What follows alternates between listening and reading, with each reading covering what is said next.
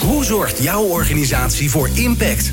Wat betekenen jullie voor de samenleving? Bedrijven hebben de kracht om maatschappelijke vraagstukken op te lossen. Zo zorgen zij voor winst op alle vlakken. In Impact hoor je leiders en experts over duurzaamheid, MVO, circulaire economie en natuurlijk Impact met Glenn van der Burg.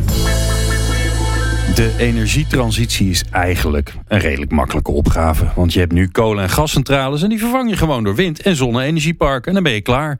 Ja, helaas was het maar zo eenvoudig. Het verlangt niet alleen vervanging, maar ook uitbreiding. En maar ook anders en slimmer de- denken. We moeten anders transporteren. Nou, als je er echt goed over na gaat denken... en we maken nogal wat afleveringen over de energietransitie bij Impact...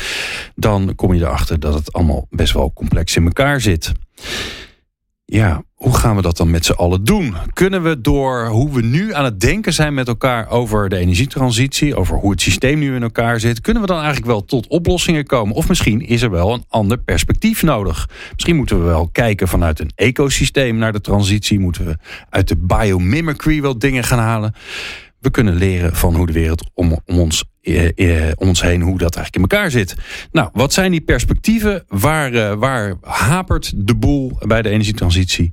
En eh, hoe kunnen we geholpen worden om die kluwen te gaan ontrafelen? Nou, ik heb drie prachtige gasten in de studio eh, die daar heel veel van weten en vinden. Eh, Cindy Kroon, zij is eh, lid van de Raad van Bestuur en Chief Commercial Officer bij Vattenfall. Maarten Otto, CEO van netwerkbedrijf Alliander. En Eduard Visser, directeur Strategy and Innova- Inno- Innovation bij Port of Amsterdam. We maken deze podca- eh, podcast samen met Alliander vanaf Terschelling tijdens Springtijd 2022. Aflevering 7 of zo, volgens mij ondertussen alweer. En eh Springtijd is het jaarlijks forum waarin we samenwerkingen proberen te smeden en krachten te bundelen om de wereld te verduurzamen. Nou, ehm, aan ons eh, hier aan tafel om eerst even kort te schetsen waarom het eigenlijk niet zo makkelijk is. Eduard, ik ga bij jou beginnen. Jij bent van de haven van Amsterdam. Dat is een mooie, mooie omgeving om te schetsen hoe de energievraag zich daar eigenlijk ontwikkelt. Nou ja, je ziet in de afgelopen jaren natuurlijk een enorme toename aan bedrijven die willen verduurzamen. Bedrijven die nu op het gas zitten en eh, daar vanaf willen, maar ook voor een deel vanaf moeten. En dat betekent elektrificatie van eh, bedrijfsprocessen. Dus daar zie je een toename van de energievraag. Ja. Ge- Geef eens een heel concreet voorbeeld. Gewoon iemand die bij jullie op het terrein zit. Nou, dan kan je bijvoorbeeld denken aan eh, bedrijven in de eh olieindustrie. Die, of die gas gebruiken om de tanks te verwarmen. Zodat inderdaad de olieproducten die erin zitten. eh, ja, eh, van de juiste specificatie blijven. Dat dat niet Te stroperig wordt. te stroperig wordt. Ja. Precies. Oké. Dus dat zijn, dat zijn dingen waar je aan kan denken. Maar je kan bijvoorbeeld ook denken aan eh, walstroomvoorzieningen. Dus schepen die naar de haven komen, eh, bijvoorbeeld cruiseschepen. Eh, nou, het laatste wat je wil is dat zo'n schip 24 uur per dag daar zit te draaien. En dat de bewoners die ernaast liggen er, er last van hebben. Dus dan weer een walstroom. eh, Want dat gebeurt nu wel, hè? dat gebeurt nu Ja. wel. En daar wordt dus inderdaad nu ook geïnvesteerd om een walstroomvoorziening voor die cruiseschepen te maken. Maar dat betekent dus netto meer vraag naar elektriciteit. Ik denk Ja. dat dat een paar voorbeelden zijn. Ja, en dat is niet een beetje meer vraag, toch? Nee, dat zijn over het algemeen vrij forse, eh, forse vragen. Eh, je moet je voorstellen, helemaal zo'n zo'n zo'n cruiseschip, dat zijn grote, grote jongens. Daar zitten eh variëren tussen de 3000 tot 5000 passagiers. Inclusief bemanning Ja. loopt daarop rond. Het is gewoon een varend dorp. Dat is een varend dorp in ieder geval wat, wat elektriciteit betreft. Klopt. Ja. Nou, Cindy, dan gaan we, logisch natuurlijk, gaan we naar jou, hè? Want die elektriciteit moet ergens vandaan komen. Is er een beeld, een schatting gemaakt hoeveel meer energie we nodig hebben? Natuurlijk moeten, moeten de huidige energieverbruik, de huidige elektriciteitsverbruik, moeten we verduurzamen. Dat is al een uitdaging, maar we gaan ook nog veel meer gebruiken. Ja. Ja, de, de laatste schatting, en ik moet altijd even spieken, want ze veranderen echt Ja, eh, eh, ik. met, Ja. met, de, met de maand. Op dit moment is de inschatting van ons dat Nederland ten- eh, richting 2030 zo'n vijf tot zeven keer zoveel moet produceren als nu. En dan hebben we het zelfs in 2050 over 10 tot 20 keer zoveel elektriciteit. Eh, omdat Mijn in mond valt open. Het is niet te zien op een podcast, maar, nee, eh, dat zijn echt hele enge getallen. Ehm, en we zien ook dus dat die vraag naar elektriciteit stijgt. Hè? Want we, gaan dus al, we hebben het allemaal over elektrificatie. Dus je ziet ook aan de klantkant, die vraag neemt ook toe. De productiekant neemt toe. Maar als je naar de vraagkant ook kijkt, dan, dan ja, plus 80% in 2030 klinkt best onschuldig. Hè? Maar als je dan naar 2050 gaat kijken, is het gewoon 300% stijging van de vraag aan de klantkant. Dus er is een enorme stijging. Dus ja, en, uh, en dus ik herken wat Eduard zegt. En, en uh, nou, wat voldoet en die productiezijde. Maar we hebben natuurlijk ook, en dat is meer mijn aandachtsgebied, die klantkant. Want dan heb je het niet alleen over er moet meer komen. Het moet duurzamer. Hè, daar zie je die elektrificatieonderbouwing vandaan komen. Ja. Maar meer dan ooit, vandaag de dag zijn we ons ook heel erg bewust. Het moet ook betaalbaar. Ja, en er moet überhaupt ruimte zijn. En uh, Oké, nou ik laat deze even in de lucht hangen. want dan kan iedereen, heeft, ja, dan kan iedereen het even binnen laten komen. Nou Maarten, hartstikke leuk. Dus 300 keer 300 procent meer elektriciteit. Dat moet allemaal over het net. Want dat moet ook nog van A naar B getransporteerd worden. Want we wekken het blij op uh, op de Noordzee. Uh, voor een groot gedeelte met windmolens. En dan moet het naar aan land. En dan moet het door het land heen. Dus dat, ja, dat betekent, wat betekent dat voor het netwerk? Ja, dat moet worden uitgebreid. Hè. Dus de, de capaciteit uh, op onze netten in Nederland uh, is niet toereikend om, uh, om iedereen de aansluiting te geven die die wil, de capaciteit te geven die die wil. nou, we zien dat de komende jaren voor die verduurzaming dat elektrificatie plaats gaat vinden. Dat is heel goed voor de klimaatdoelstellingen. Dat moeten we accommoderen, maar dat gaat niet zo snel als dat we willen. en dat heeft natuurlijk mee te maken dat er, en wat ik net al zei, er moet ruimte voor zijn. Er moeten mensen zijn die het kunnen. Er moet er, moet, er moet geld voor zijn, dus we moeten zorgen dat we het kunnen blijven betalen. Uh, en daarbij geldt ook, is dat we moeten zoeken naar slimmere oplossingen. Want het, het systeem zoals het was, dat, dat houden we niet. We zijn het niet aan het repareren, we zijn het aan het transformeren. Hè? Dus we moeten ja. toe naar een nieuwe werkelijkheid. Ja, want dat is het gevaar natuurlijk. Hè? Het gevaar is dat we zeggen, oké, okay, we hebben nu een soort status quo. We hebben, nu, we hebben het nu goed geregeld allemaal. Dus we gaan het, het allemaal opschalen, groter maken dan dat het, hè, dan dat het nu is. Uh, maar als ik de hoeveelheid energie alleen al hoor die nodig is, Cindy, mm -hmm. dan komt mij één belangrijke vraag in mijn hoofd. Kan dat überhaupt? Nou ja, Kunnen we het überhaupt opwekken? Ja, we kunnen heel veel. Hè. Ik bedoel, als we nu al zien, uh, als je kijkt naar hoeveel wind op zee we nu opwekken, dat hadden we ook niet verwacht. Als je de groeiambities ziet die we daar nu tegenover plaatsen. Uh, uh, 21 gigawattuur 2030, 2050 hopen we zelfs 70 gigawattuur op zee op te wekken. Um, dat waren toen we dat ooit begonnen te roepen. Ook ondenkbare dingen. Dus ik, je kan in die zin een beetje gerust ademhalen. We kunnen heel veel met elkaar. Wat ik wel leuk vond net, hè, we kwamen natuurlijk net uit de live sessie hier op Springtij, waarbij de vraag werd gesteld, waar wij volgens mij alle drie uh, instemmend op knikten, is: moet je de vraag wel willen voorzien volledig? Ja. Uh, moeten we niet met elkaar, hè, we laten we het nu even tot energie beperken, maar het geldt eigenlijk voor alles wat we doen, waar we bouwen, waar we wonen, hoe we leven. Uh, je moet ook aan die vraagzijde. Dus, dus en, en dat benadruk ik vandaag de dag ook met al die prijsontwikkelingen. Nederland moet ook in mijn ogen structureel 30% minder verbruik, gaan verbruiken. Dat is goed voor de prijs, dat is goed voor de vraag, dat is goed voor de druk op de netten. Dan kopen we ook meer tijd en dat kan ook echt nog mm. wel. En dan hebben we het niet alleen over die zielige mevrouw die de gaskraan af laat sluiten om, omdat ze het niet kan betalen. Dan hebben we het over de hele grote groep die nog wel zuiniger aan kan doen voor alle duidelijkheid, die zielige mevrouw die de gaskraan laat afsluiten, dat, daar moeten we ons voor schamen. Die moeten we gewoon helpen in het hier ja. en nu. Ja. Oké. Okay. Dus we moeten anders. We moeten er anders over nadenken. We moeten slimmer over nadenken. En nou heb ik dat ecosysteem er al even ingegooid. En dat doe ik niet voor niks, Maarten. Want dat is een, een ding waar jij... Uh, uh, ja, een, een, zeg maar een gedachteperspectief die jij omarmt. Wat is dat, dat, dat ecosysteem denken? Nou, voor mij is dat in essentie uh, de realisatie dat er niet één actor is die uh, hier verantwoordelijkheid heeft te nemen en dat het daarmee wordt opgelost. Dus, dus we zitten in dat energiesysteem met z'n allen. Er zijn heel veel actoren, heel veel factoren en die zijn allemaal wederzijds afhankelijk van elkaar. En dat maakt het soms heel complex, omdat iedereen vanuit een eigen belang of een eigen opvatting of een eigen positie aan het redeneren is. En tegelijkertijd biedt dat ook heel veel kansen, omdat het namelijk ook maakt dat, dat als er één iemand gaat bewegen, dat hele systeem ook beweegt. En dat maakt dus dat we uh, niet per se meer regie van één actor nodig hebben, maar eigenlijk vooral initiatief van heel veel actoren. Ja, nou gaan we, dat is interessante dat jullie zijn stiekem met elkaar natuurlijk een ecosysteem. Daarom zijn jullie staan hier ook aan tafel. Daarom ben ik al even de velden langs gelopen van wat gebeurt er bij jullie. We hebben, kunnen de haven van Amsterdam mooi als, uh, als plek nemen. Nou, de energievraag gaat enorm stijgen. De, vraag naar elektriciteit moet ik zeggen, moet natuurlijk wel specifiek zijn. Die moeten we natuurlijk allemaal duurzaam gaan opwekken.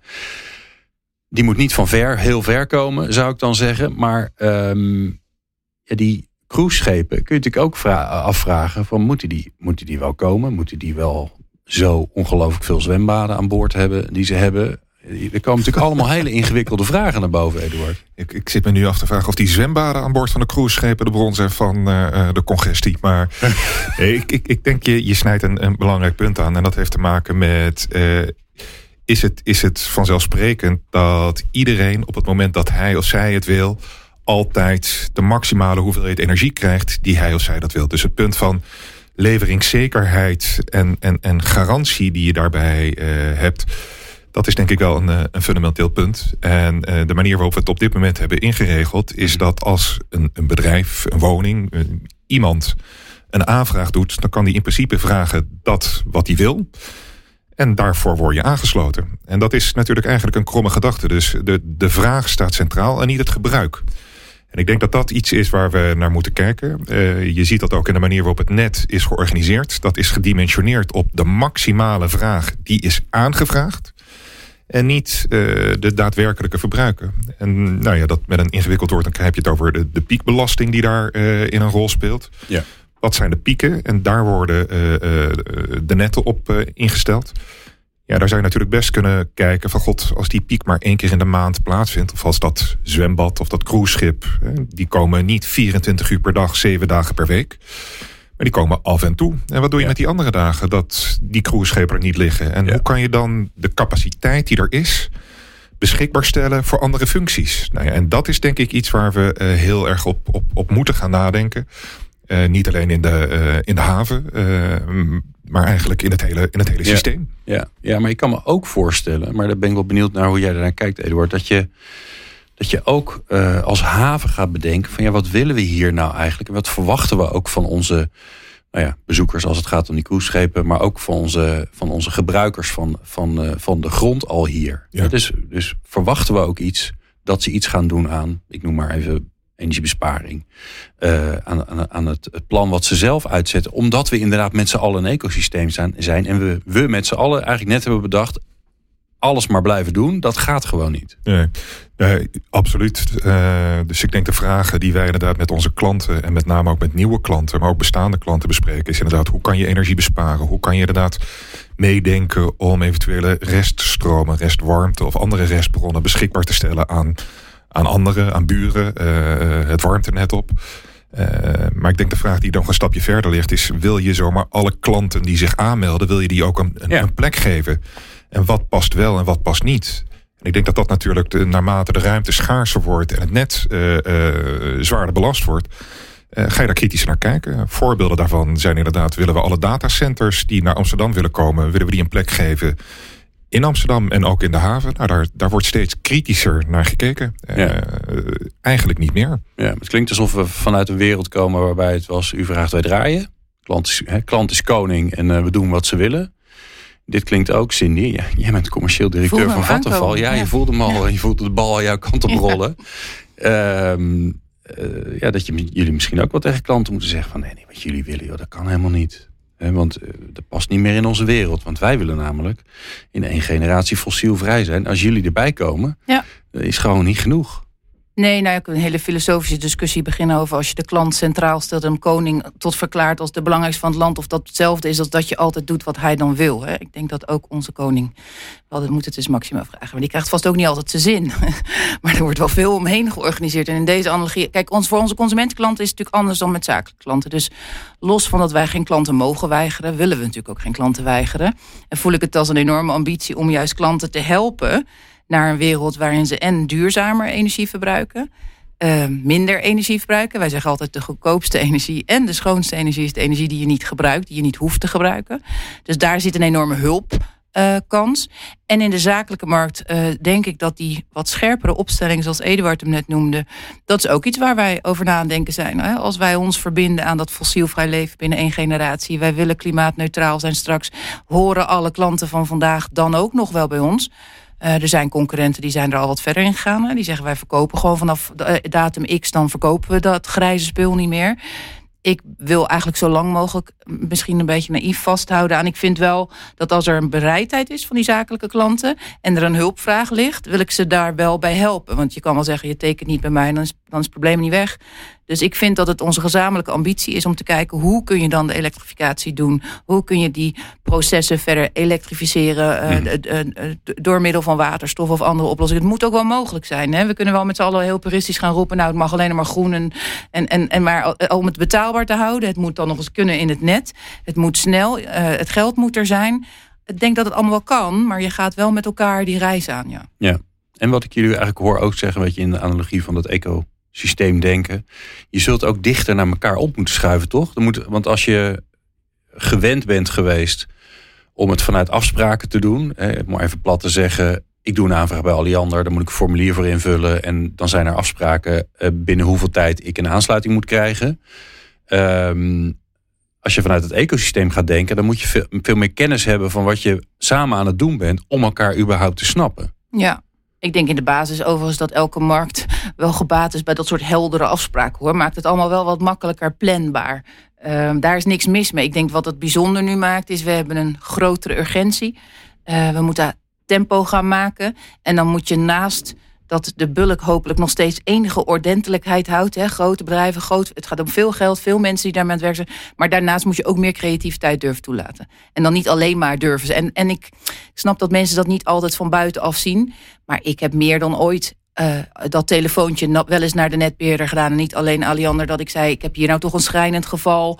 Of, of dit lukt even niet volgens de bestaande regels. En dan merk ik het, heel veel medewerking bij de netbeheerders. Maar ja, we gaan dat niet massaal roepen. Want we kunnen die uitzondering niet voor iedereen doen. En volgens mij had je ook zo'n voorbeeld, Maarten. Dat je met elkaar natuurlijk ook wel snapt dat het allemaal niet zwart-wit is. Uh, maar het moet een beetje grijs, een beetje wit, een beetje zwart. Het moet allemaal. Omdat je door die uh, door deze moeilijke fase heen moet. Ja, ik, ik noem het altijd. Vaak zijn wij gewend om dit soort gesprekken dat het alleen of-of gesprekken worden. Het ingewikkelde is volgens mij juist dat het allemaal en-en dingen zijn. We moeten alles doen.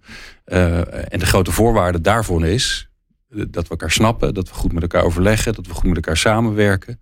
Wat is er voor nodig, Maarten? Want dat is toch de grote uitdaging. Nou, ik zou nog wel willen aanvullen. Misschien is het juist wel uh, vooral nodig dat we accepteren dat dat er allemaal niet is dus dat het, het is, een, het is een, uh, een, een transitie, een transformatie. En dat betekent dat, dat ieder systeem heeft een ordening. Ja, dat is gewoon zo. En het helpt dat die ordening ook een beetje expliciet is. Want dan weet je ook aan welke gedragsregels je moet houden. Maar in de transformatie veranderen die regels. En we weten niet voor al die, van al die veranderingen wat het nou precies gaat doen. Dus het hoeft ook niet allemaal samen. We hoeven niet opeens allemaal bij elkaar. We moeten vooral accepteren dat, dat het, dat het een, een, een, een proces is waarin we met elkaar aan het zoeken zijn. Hey, hoe gaan we dat nou aanpakken? Dat betekent dus niet dat we moeten wachten tot er één iemand beweegt wat we vinden. Hè, dus de Rijksoverheid of, of een gemeente mhm. of een provincie. Maar dat we allemaal initiatief te nemen hebben. En uh, moeten tolereren dat het heel vaak goed gaat. En dat we daarmee progressie boeken. En soms ook niet. En dat we dan dus ook tolereren dat het niet goed gegaan is. Maar dat we dan kunnen expliciteren. Hey, dit, dit, dit is niet wat we willen. Uh, dus we gaan het anders doen, want we hebben ervan geleerd. En voor mij geldt dat, en dat geldt dus zowel op uh, uh, de norm opnieuw neerzetten. Dat is wat Eduard net ook zei. Hè, van oké, hoe, hoe werkt leveringszekerheid eigenlijk? En, en moet je het nou richten op de vraag of moet je het doen op de capaciteit?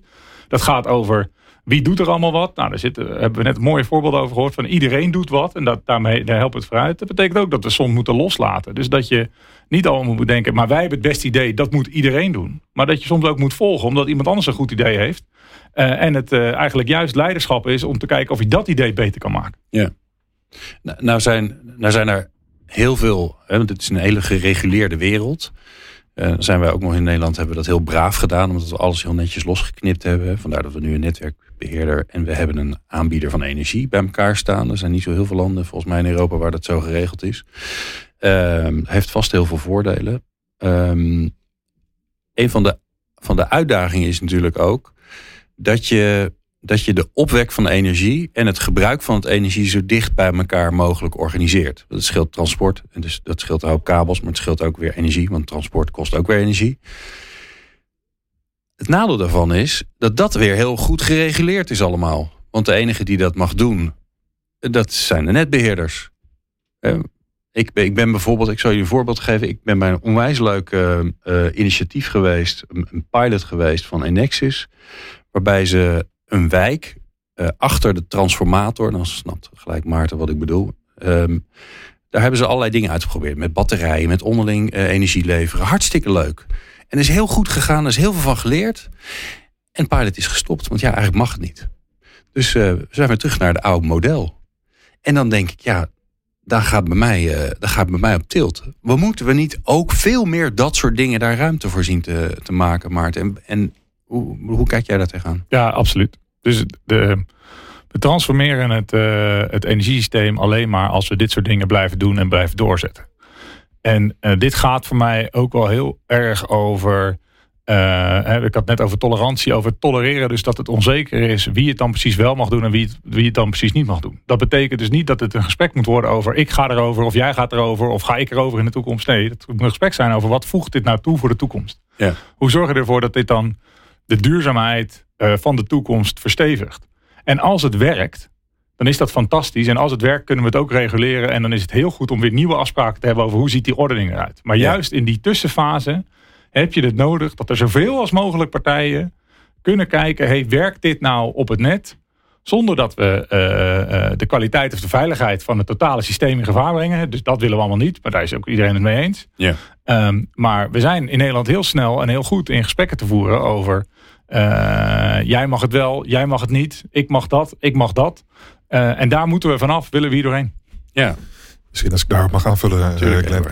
Kijk, een van de punten waar we natuurlijk nu mee zitten is, hè, we focussen heel erg op die elektriciteitsvraag. Maar als je natuurlijk ook in industriegebieden kijkt, ben je ook heel erg op zoek naar wat zijn de alternatieven die eigenlijk zorgen dat we die elektriciteitsvraag niet hoeven te benutten. We hebben het eerder vandaag ook wel eens gehad over uh, de rol die waterstof daarin uh, speelt. En dat is denk ik ook iets. God, ja, hoe gaan we die waterstof dan brengen bij juist die industriële omgeving? Daarmee voorkom je cannibalisering op dat elektriciteitsnet. En dan kom je eigenlijk bij een punt wat Maarten net aanstipt. Ja, wie moet dat dan doen? Ja, dat ja, is nog wie gaat die buis in de grond Precies, leggen? wie gaat dat doen? En uh, dat is een nog niet gereguleerde markt, want het is allemaal nieuw. En, en daar zie je dat, nou ja, dan komt het er ook enigszins op aan, op, op lef, op durven. Uh, nou, en ik ben eigenlijk heel, heel blij dat dat iets is waar nou, zowel Alliander als het havenbedrijf, ja, zijn we samen op zoek. Nou, hoe kunnen we dat doen? En daar zijn we samen ook naar, naar aan het werken. God, kunnen we dat gaan opbouwen? Ja. En dan beginnen we een beetje aan de grenzen te komen van wat aan de voorzijde ons misschien is gegund. In termen van regulering, onze rollen, et cetera. Maar ja, als je dat niet op gaat zoeken, dan gaat het er niet komen. Als je gaat zitten wachten totdat daar eindelijk eens een keertje uit een ivoren toren gezegd wordt: ja, dit, dit is een goed plan en zo gaan we die marktordening doen. Ik denk dat bij juist dit soort nieuwe markten, en dus dit helpt om het systeem te ontlasten. Ja, laat maar eens kijken en laat maar eens proberen. En dan gaan we daarna ook kijken hoe we dit kunnen verankeren op zo'n manier dat het uh, marktordeningstechnisch nou ja, goed landt. Ja, en, en is dit dan de grootste uitdaging misschien wel die er is? Dat we, ja, we hebben regels en afspraken nodig. Dat maakt het helder. Dat zorgt dat het huidige systeem blijft draaien. Maar de, de winkel is open terwijl de verbouwing gaande is. We hebben ook ondernemerschap en samenwerking en innovatie hebben we ook allemaal nodig. En daarvoor zijn die regels, die zitten heel vaak juist in de weg. Maar ja, als je continu op je vingers getikt wordt als ondernemer omdat je iets doet wat niet mag, dan ben je op een gegeven moment ben je er wel klaar mee. Of sterker nog, dan, uh, dan ben je ineens niet meer de baas van Alliander of de baas van Vattenval. Want dan komt er iemand anders die misschien wat meer binnen de lijntjes kleurt. Dus hoe kunnen we, hoe vallen, hoe vallen die twee dingen samen? Hoe combineren jullie als bestuurders die twee dingen? Het, het balanceren tussen je aan de, aan de regels houden en afwijken als je denkt, ja maar nu kan het. Zin nou ja, het bedoel, kijk, ik geloof dat iedereen een rol heeft in het systeem. En dat een toezichthouder ook gewoon goed is. Uh, en, dan, en dan, je hebt allemaal, als je die rol zelf niet hebt, soms dan natuurlijk een neiging om die kant op te mopperen. Maar dat is op zich, eh, hebben die ook hun functie. Um, en, en het is hartstikke ingewikkeld als we zelf al niet weten wat een pilot oplevert of een initiatief oplevert aan risico's, om dan te verwachten dat een toezichthouder er vooraf wat over kan zeggen. Het zou wel lekker zijn hè, dat je een beetje je risico's indekt ik moet eerlijk zeggen, ik mop af en toe wel eens op ze, maar ik, ik ga maar voor het positieve uit. Als wij daar kunnen uitleggen, en ik geloof dat alles in de wereld ook begint met een juiste intentie. Als je aan een toezichthouder kan uitleggen wat je intentie is, wat je probeert op te lossen, um, wat jouw bijdrage daarin is, waar het risico zit, en je neemt ze daarin mee, heb je geen garantie dat ze achteraf uh, niet zullen zeggen, nou, dat is toch geen goed idee. Maar ik geloof wel dat ook zij snappen en mee willen bewegen in die transformatie. Alleen hun rol is niet zo makkelijk om dan te zeggen... nou ja, kan ik op voorhand je een vrijpas geven... dat dit aan regelgeving die er nog niet is voldoet. Ja. Ik ben daar niet zo pessimistisch over. Zij Houdt het je tegen? Nee, nou niet op die innovaties. Nee. Oké. Meer toe, je hebt gewoon af en toe heel veel werk aan. Hè? Je moet heel Ja. veel dingen uitschrijven. En Ik, ik weet niet of dat te maken heeft met grote bedrijven. Maar ik heb altijd idee hoe groter je bent, hoe meer bewijslast je moet aanleveren. Ik eh, hele dagtaken af en toe aan alle uitvraagformulieren invullen. Ehm, maar goed, dat, als je dat een beetje als een uitdaging ziet om gezamenlijk die reis te maken, prima.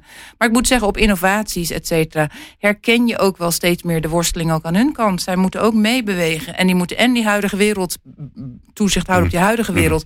En meebewegen in die nieuwe wereld. Ik vind mijn werk leuker. Eh, maar we hebben ze wel nodig. Ja. Maar hoe doe jij die balanceeract? Tenminste, Nou. ik ga ervan uit dat, dat hij zo voelt. Nee, dat, ehm, ik denk dat het, eh, het systeem, eh, eh, dus die transformatie is erbij gebaat om, om continu te proberen de grens te verleggen naar de groef waar het heen moet. Hè. Dus uit de oude groef in de nieuwe groef. Ik denk dat dat enorm helpt. Ik ben het helemaal eens met, met Cindy. Het is, is juist in zo'n fase ook enorm belangrijk dat, dat consumentenbedrijven worden beschermd tegen de grillen van, van, van, van die initiatiefnemers. Dus daar heeft de toezichthouder een enorm belangrijke rol. Eh, en als je in een transformatie zit, betekent dat ook dat de toezichthouder moet transformeren. Dus daar moet je ook met een beetje compassie naar kijken. Eh, want het is niet zo dat wij het recht hebben om dingen te leren en fouten te maken. En dat dat bij hun een soort van een first time right moet zijn. Dus volgens mij helpt het om te zien. Nee, we zitten daar allemaal in. Mhm. Eh, dat vind ik zo mooi aan die ecosysteemgedachte. Dat je ziet al die wederzijdse afhankelijkheden, die zitten dus overal. En je, maakt, je gaat hier allemaal doorheen.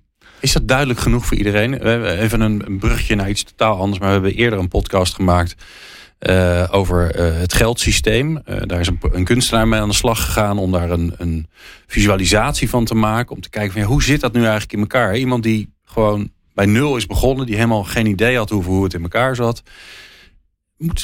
Helpt, helpt het om scherp te krijgen? Want je hebt het over een ecosysteem, maar ja, wie, wat, waar, wanneer? Ja, ik denk dat absoluut visualisatie helpt. Zichtbaar maken hoe, hoe, dingen, hoe dingen gaan helpt. En tegelijkertijd eh, op het moment dat dingen op die manier expliciet worden... kunnen ze ook ertoe leiden dat de groef alleen nog maar dieper wordt. Hè? Dus, dus, dus dat is namelijk niet het plaatje van het nieuwe... maar het is het plaatje van het huidige.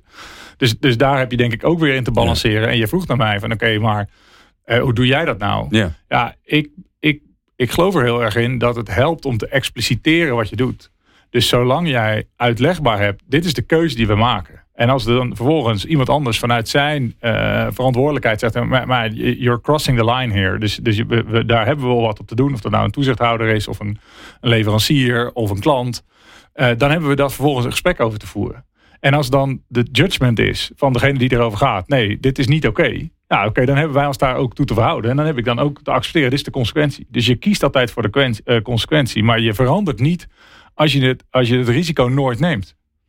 Ja. Ja. en misschien om daarop aan te vullen. Kijk, de, eh, weet je, mensen gaan uitleggen. eh, Heb ik het maar even niet over de toezichthouder, maar even over de maatschappij hebt, hè, of, of, of critici of andere experts. Mensen gaan uitleggen hoe het systeem is. En dan denken als je het je beter hebt uitgelegd, dan snap je het beter en dan ben je wel enthousiast. Daar geloof ik niet zo heel erg in, hè, dat opvoeden van.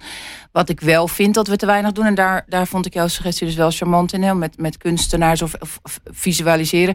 Ik geloof wel dat we te weinig vergezichten schetsen van waar zijn we nou naartoe onderweg.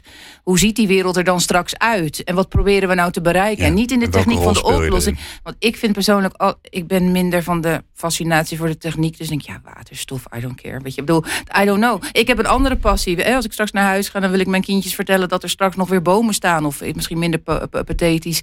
eh, Dat het goed komt met de luchtkwaliteit. En dat die rivieren straks niet buiten hun oevers treden. En, en wat ik daar dan aan doe met die projecten om daaraan bij te dragen. En dat verhaal vertellen we volgens mij te weinig. Dat is ook bijvoorbeeld, ik denk dat dat in de zin met kunstenaars, storytelling, mensen meenemen in waarom zijn we van die gekke dingen aan het doen en waarom vinden wij dat nou zo belangrijk. Dat, eh, dat lijkt me wel goed. Maar ik vind het wel mooi, eh, Celeste, je, je zei net al, het is eigenlijk is het en en en. Dus ook hier geldt, het is en en en. Dus we moeten en dat verhaal vertellen, en we moeten het doen, en we moeten het loslaten, en we moeten coalities maken, en we moeten eh, rammelen aan alle aannames die we hebben. En ik denk daarmee is de, de, de grote uitdaging is om dingen van het papier af te halen en in de praktijk te brengen en te blijven zien.